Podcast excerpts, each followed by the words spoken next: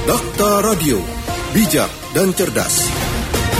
Rekan Dakta terus terjadinya bullying atau perundungan terhadap anak di sekolah ini tentu perlu diantisipasi dengan cepat dan dari berbagai aspek. Jadi rekan Dakta salah satunya adalah upaya yang bisa dilakukan untuk meminimalisir terjadinya perundungan dalam jangka pendek adalah dengan membuat sistem pengaduan di sekolah. Jadi rekan Dakta, Kementerian Pendidikan dan Kebudayaan mengaku belum punya terobosan baru mencegah kekerasan dan bullying atau perundungan yang masih terjadi di sekolah. Seperti apa sebetulnya fenomena perundungan ini dan apa yang bisa dilakukan untuk meminimalisir angka perundungan yang ada di sekolah? Pagi hari ini kami akan berbincang bersama dengan psikolog anak dari Universitas Indonesia, Ibu Rosmini.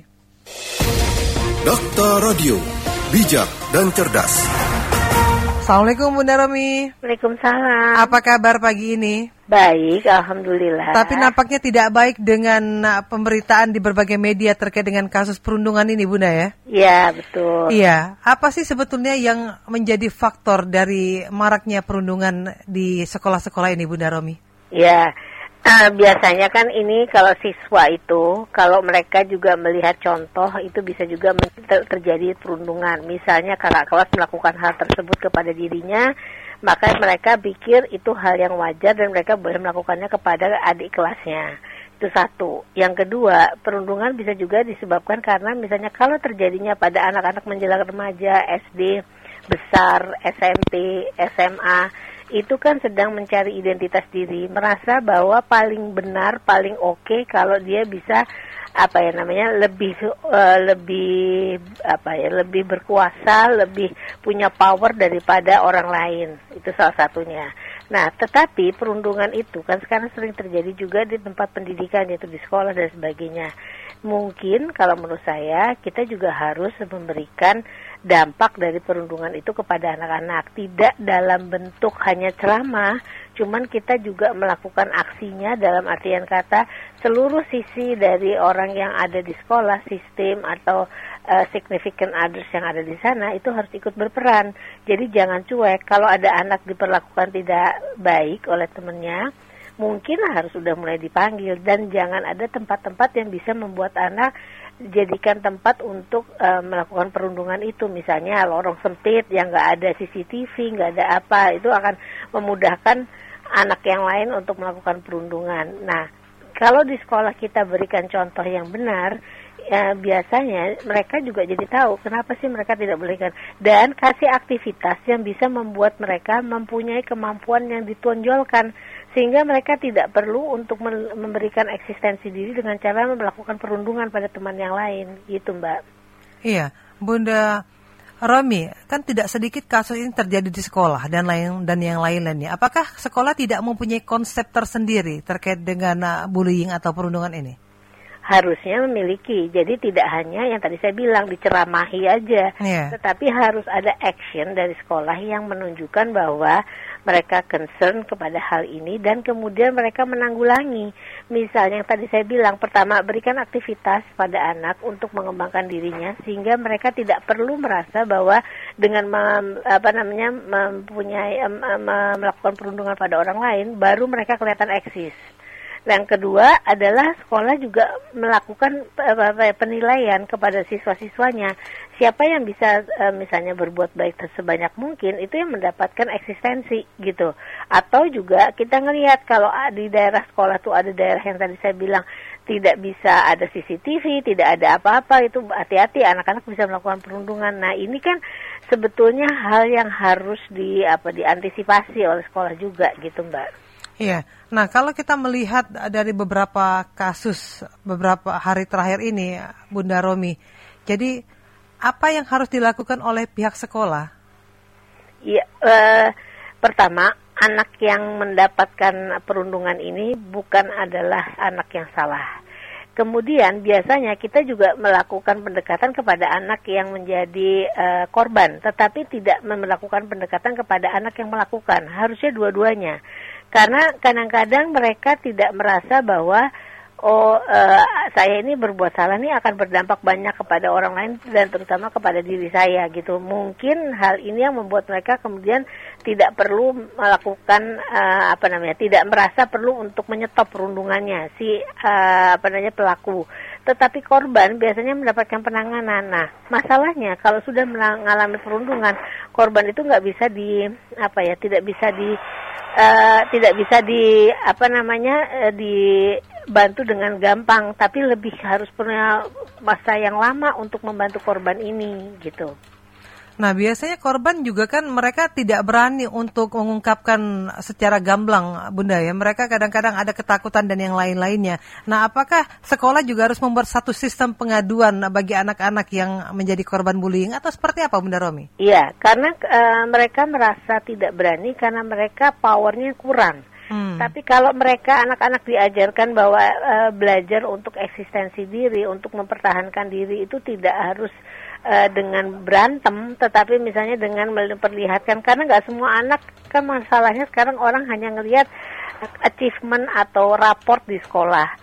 Padahal nggak semua anak pandai, cukup pandai untuk memberikan eksistensinya di situ coba kasih kegiatan lain. Misalnya yang suka berantem dikasih kegiatan pencaksilan atau apa yang membantu dia untuk eksis tapi tidak dengan cara membuli orang. Hmm, gitu. Jadi pelampiasannya positif Bunda ya? Iya, dan itu kan harus kita yang memetakan sekolah harusnya atau kita melihat bahwa e, kalau dia punya guru BP atau konselor sekolah untuk melihat tiap anak yang masuk ke sekolah itu punya minat, punya bakat apa dan disalurkan dengan cara seperti itu.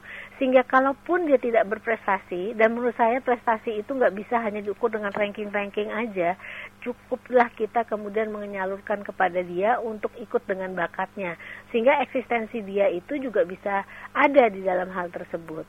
Iya, Bunda Romi, seberapa besar akhirnya teknologi atau sosial media mempengaruhi proses atau uh, peristiwa bullying atau perundungan ini? Ya, uh, biasanya sudah terjadi baru viral.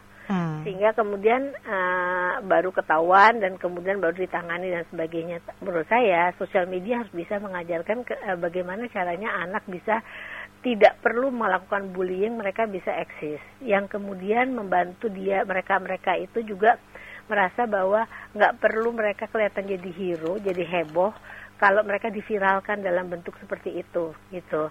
Itu ada satu sisi mungkin anak-anak yang uh, apa namanya melakukan itu juga aduh gue bisa terkenal nih dengan cara seperti ini. Nggak motivasinya bisa itu ya benar nah, bisa seperti itu. Hmm. makanya kita coba dengan cara yang berbeda gitu. Kalau di sekolah pun dengan teknologi bisa membantu anak-anak bikin video tertentu di upload di YouTube. Mungkin itu menjadi bagus karena dia bisa lihat kelihatan eksistensinya di situ Nah, kalau dari sisi psikologi sendiri, Bunda Romi melihat beberapa fenomena belakangan ini, benarkah perundungan ini bisa dilakukan secara berulang-ulang oleh orang yang sama dan ditargetkan pada orang yang sama lagi?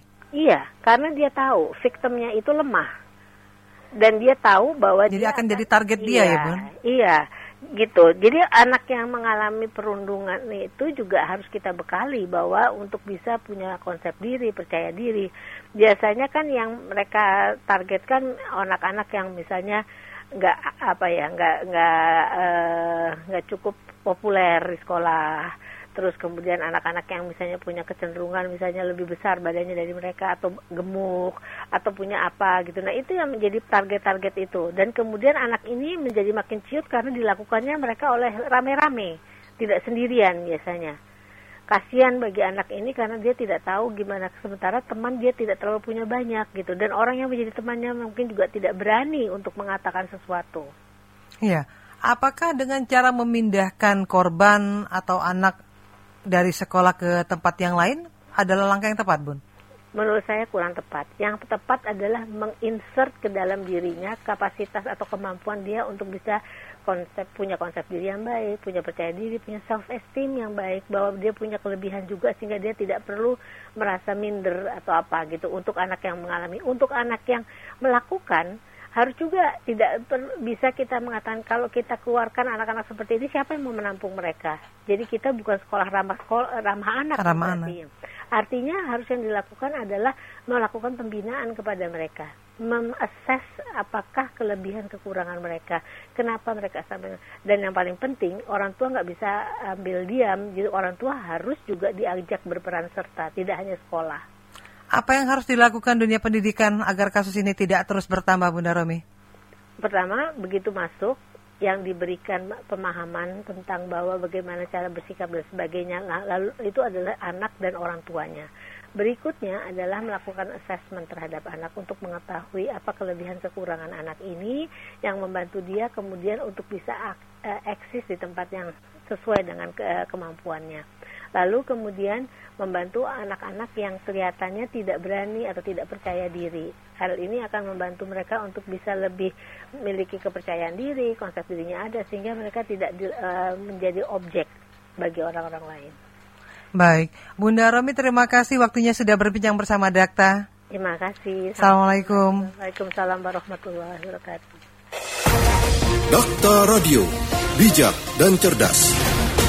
Psikolog anak dari Universitas Indonesia, Ibu Rosmini.